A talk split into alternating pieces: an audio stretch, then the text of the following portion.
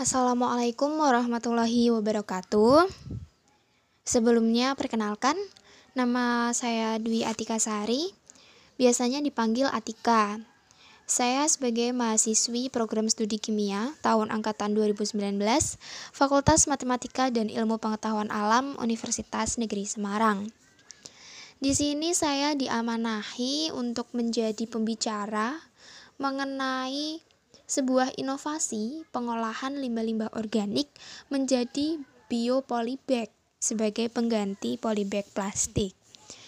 Um, saya juga di sini mengucapkan banyak terima kasih kepada rekan-rekan yang telah mempercayakan saya untuk menjadi pembicara dan juga berbagi ilmu tentang penelitian yang telah saya lakukan seperti itu. Nah, di sini inovasi dari bahan limbah organik menjadi biopolybag itu nama produk yang saya unggah adalah pot sepatu ya. Pot sepatu itu bukan pot yang terbuat dari sepatu atau bahkan pot yang bentuknya seperti sepatu itu bukan. Jadi pot sepatu itu adalah akronim. Um, akronim dari kata pot semai cepat urai. Jadi disingkat atau diakronimkan menjadi pot sepatu seperti itu.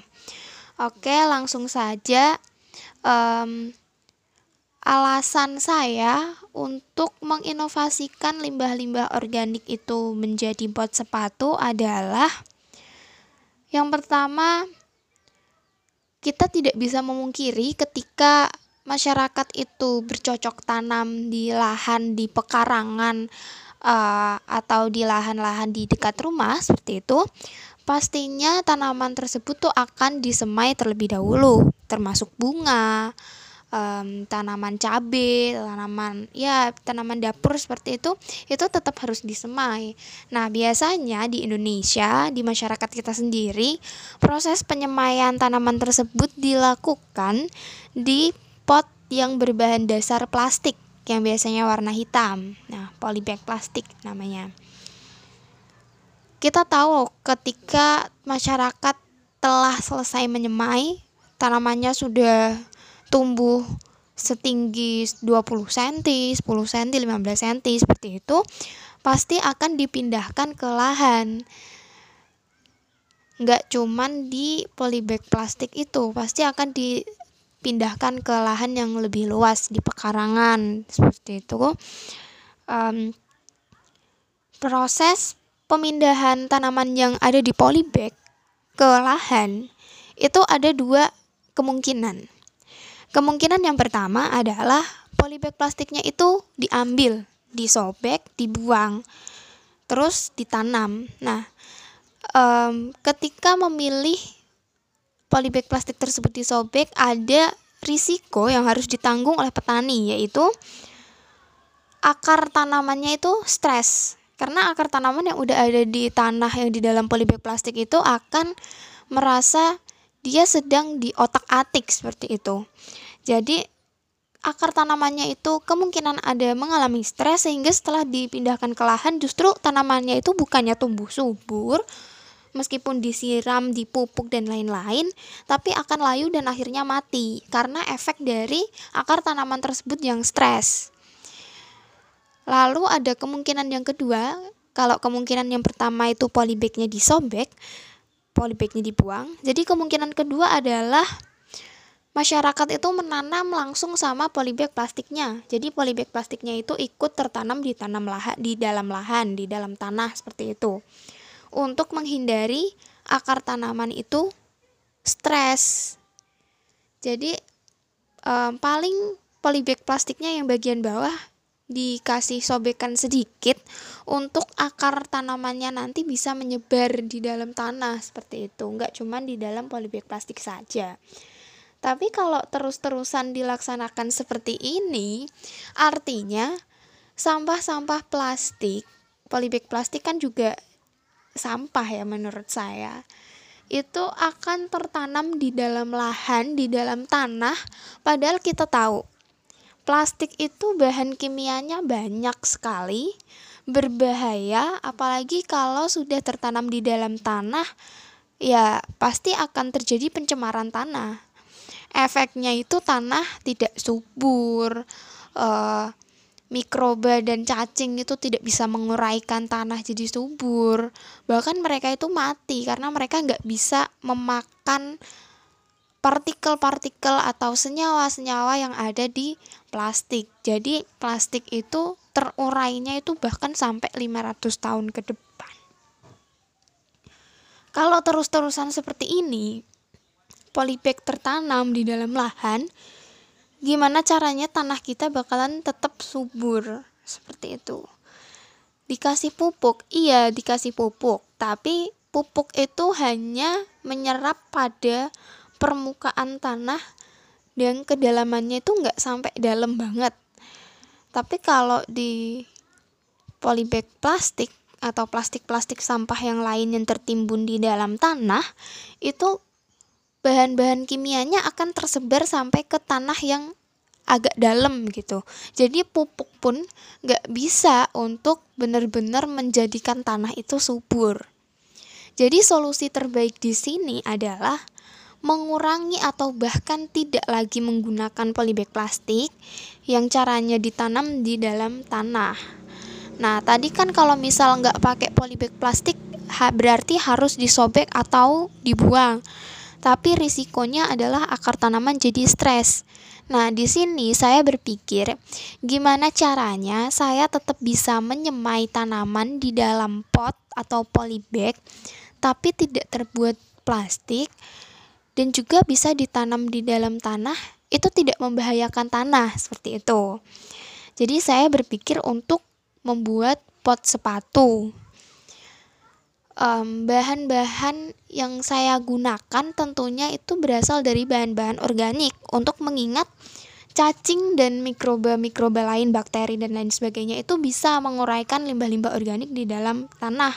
Bahkan nggak dikasih pupuk pun, bahan limbah organik tersebut automatically jadi pupuk bagi tanah itu sendiri, bagi tanaman seperti itu. Jadi Pot sepatu di sini selain bisa menggunakan poli menggantikan maaf, menggantikan polybag plastik juga bisa sebagai pupuk organik. Jadi ada dua hal yang bisa diperoleh di sini.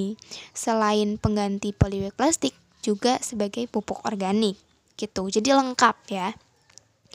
Um, bahan-bahannya itu terbuat dari limbah-limbah organik. Saya terinspirasi dari Trubus ketika itu saya punya majalah Trubus. Trubus itu seperti inovasi pertanian gitu, majalah yang um, isinya itu tentang segala jenis pertanian, mulai dari teknologinya, budidayanya, manfaat tanaman-tanamannya, seperti itu lengkap. Bahkan ada Instagramnya juga, Trubus gitu. Nanti bisa di searching di situ untuk cari-cari inovasi pertanian itu seperti apa. Ya, dari majalah Trubus tersebut ada beberapa halaman yang isinya itu judulnya adalah pot organik gitu. Nah, di situ ada beberapa penelitian, ada yang bikin pot sepatu dari eceng gondok, ada yang bikin dari serat kertas, bubur kertas. Jadi kertas-kertas yang sudah tidak terpakai diolah lagi menjadi bubur, kemudian dicetak. Uh, kemudian ada juga yang menggunakan serabut kelapa. Serabut kelapa itu yang itu ya, apa namanya? sabutnya itu. Terus ada yang pakai arang sekam dan lain-lain. Jadi semua bahan yang digunakan itu adalah bahan organik. Kemudian ada gambarnya. Oh, seperti ini pot yang mereka bikin inovasinya dibikin seperti ini bentuknya benar-benar dicetak menggunakan mesin yang bentukannya itu benar-benar seperti pot dan bisa ditumpuk-tumpuk gitu jadi kalau misal beli beli satu oh nanti diambilkan dari tumpukan potnya nah saya inovasikan um, kalau mereka sudah menggunakan bahan-bahan tadi ada eceng gondok, ada arang sekam, ada bubur kertas, ada serabut kelapa, saya berpikir bahan yang saya gunakan di sini harus berbeda dengan penelitian-penelitian yang telah ada, penelitian mereka gitu. Nah, di sini saya awal pertama menggunakan eh membuat polybag dari bahan organik ini menggunakan kulit ari kelapa. Jadi kelapa sebelum diparut, bagian coklatnya itu biasanya dihilangkan ya, biar santannya itu benar-benar putih. Nah, dari situ banyak sekali ditemukan di pasar. Kok kulit ari kelapanya itu banyak yang dibuang nggak dimanfaatkan. Nah, di situ saya mulai memanfaatkan. Pertama saya pakai kulit ari kelapa, kemudian saya inovasikan lagi dengan menambah bahannya menjadi saya tambah dengan akasia, saya tambah dengan lidah mertua kering, saya tambah dengan apa apa pun e, limbah yang saya lihat saya inovasikan. Dan ternyata setelah saya uji coba beberapa bulan mem saya tanam di dalam tanah memang itu benar-benar terurai. Dan banyak jamur di situ. Artinya mikroba itu bisa menguraikan seperti itu. Jadi bakalan subur ini tanah. Oh ada jamurnya ada bakterinya ada mikrobanya. Berarti bahan ini bisa saya gunakan sebagai bahan dasar pot sepatu seperti itu. Itu inovasi saya yang pertama. Jadi inovasi saya yang kedua itu saya ketika sudah kuliah di Universitas Negeri Semarang, saya tidak lagi tuh menemukan di pasar yang ada kulit ari kelapa banyak. Jadi saya harus berpikir ulang. Di Semarang dekatnya UNES kurang banyak nih kulit ari kelapa. Jadi saya harus berpikir saya mencari pengganti bahan kulit ari kelapa tersebut. Nah, saya memanfaatkan apa yang saya lihat di UNES. Oh, ternyata di pelataran di halaman hampir semua bangunan di fakultas saya, terutama fakultas MIPA, itu banyak sekali daun-daun yang jatuh. Dan daun-daun tersebut eh, jarang yang dimasukkan ke rumah kompos karena untuk pengolahan menjadi kompos itu sendiri butuh waktu satu bulan. Jadi padahal daun-daun itu terus-terusan jatuh setiap harinya. Setiap hari jatuh banyak kalau dikumpulkan. Nggak mungkin setiap harinya kita masukkan ke rumah kompos karena rumah komposnya juga kecil. Lalu biasanya daun-daun kering tersebut hanya dibakar seperti itu atau bahkan ditimbun saja untuk menunggu penguraian secara alami. Tapi itu lama ya. Lebih gampang atau lebih cepat untuk dibakar. Efek dari pembakaran itu kan nanti ya efek rumah kaca, polusi udara, global warming dan lain-lain jadi terdapat dampak negatif seperti itu. Nah, di situ saya berpikir untuk memanfaatkan limbah daun-daunan kering yang sudah jatuh, saya manfaatkan menjadi pot sepatu. Waktu itu saya tambah dengan bahan lain yaitu pelepah pisang. Kan pelepah pisang kalau pisangnya sudah matang, jadi pelepahnya bakalan tidak berguna daripada tidak berguna, nanti membusuk baunya tidak sedap. Saya manfaatkan lalu saya pakai cangkang telur karena mengingat ya di dekat kampus kan banyak sekali warteg-warteg, tempat makan, tempat jajan yang menggunakan bahan dasar telur dan cangkangnya itu tidak termanfaatkan dengan baik. Jadi saya manfaatkanlah di situ, saya minta kepada warung-warung minta tolong untuk cangkang telurnya jangan dibuang, saya mau minta. Nah, dari situ saya inovasikan beberapa bahan. Ya tadi ada apa daun-daunan yang kering ada pelepah pisang ada cangkang telur. Saya pakai juga daun pandan karena dari bahan-bahan tersebut kan jika digunakan nanti akan menimbulkan bau. Nah di sini dinetralisasi oleh aroma dari daun pandan sehingga tidak bau seperti itu pot sepatunya. Oke jadi itu ya alasan kenapa saya membuat biopolybag biopolybag pengganti polybag plastik tapi dari bahan limbah-limbah organik seperti itu. Jadi uh, apalagi di saat-saat sekarang ini penggunaan plastik itu benar-benar sangat dibatasi ya. Kita belanja saja harus membawa kantong belanjaan. Apalagi ini polybag plastik yang setiap harinya kita pakai seperti itu. Jadi harus benar-benar ada inovasi yang bisa menggantikan plastik itu sendiri. Bahkan sekarang ini sedotan buat minuman diganti dengan aluminium. Ada yang aluminium ada yang bambu. Tapi saya kurang prefer ya kalau untuk ke aluminium karena itu adalah logam berat. Jadi ketika kita gunakan untuk minum nanti logam beratnya bakalan bisa masuk ke tubuh gitu. Jadi kayak kurang higienis juga. Oke. okay. Um, untuk pembuatannya sendiri sih gimana ya Atika pembuatan pot sepatunya? Nah di sini uh, langkah-langkahnya itu semua bahan tersebut tadi di blender. Mulai dari daun daun kering di blender uh, cangkang telur dibersihkan dulu dijemur kemudian ketika sudah kering airnya hilang di blender jadi serbuk seperti itu daun pandan juga di blender pelepah pisang saya cacah kecil-kecil dulu baru di blender. Nah setelah semua bahan-bahan tersebut sudah selesai dihaluskan jadi partikel serbuk-serbuk kecil kemudian saya masukkan ke wadah seperti itu untuk diuleni menjadi adonan. Jangan lupa ditambahkan sedikit air ya sedikit air sih. Saya ambilnya dari air yang ter dari pelepah pisangnya itu kan mengandung air. Nah saya ambil dari situ. Jadi um, untuk takarannya sendiri pelepah pisangnya serabut oh saya juga pakai serabut kelapa daun mahoni dan arang tempurung kelapa. Jadi hampir semua bahan-bahan organik yang kita punya itu bisa dimanfaatkan menjadi pot sepatu seperti itu.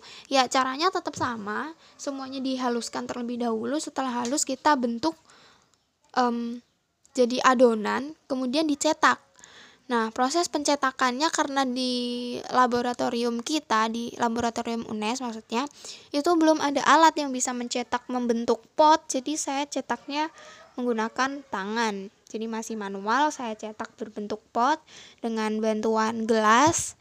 Seukuran gelas, kalau seukuran pot yang besar seperti itu kurang gimana ya? Kemungkinan bisa pecah kalau seukuran gelas itu tidak, karena di sini kita sekali lagi adalah pot yang digunakan sebagai penyemaian.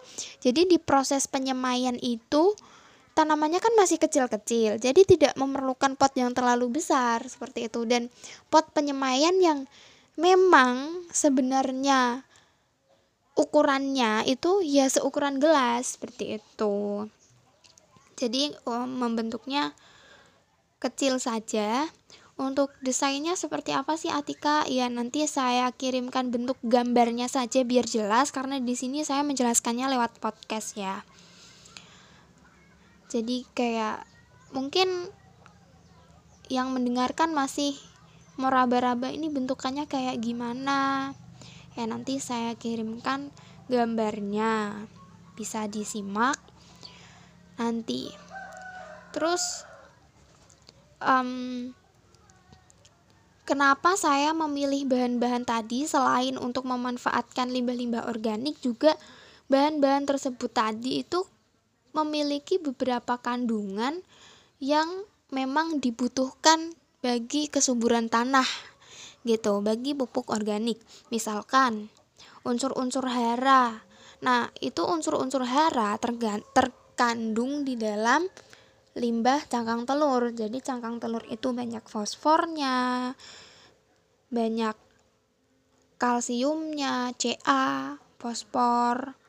Itu bagus untuk proses kesuburan tanaman. Um, tidak hanya itu, tidak hanya cangkang telur, serabut kelapa, tempurung kelapa yang saya gunakan kemudian ada pelepah pisang, limbah daun-daun kering, itu semua memiliki kandungan yang memang diperlukan oleh tanah seperti itu.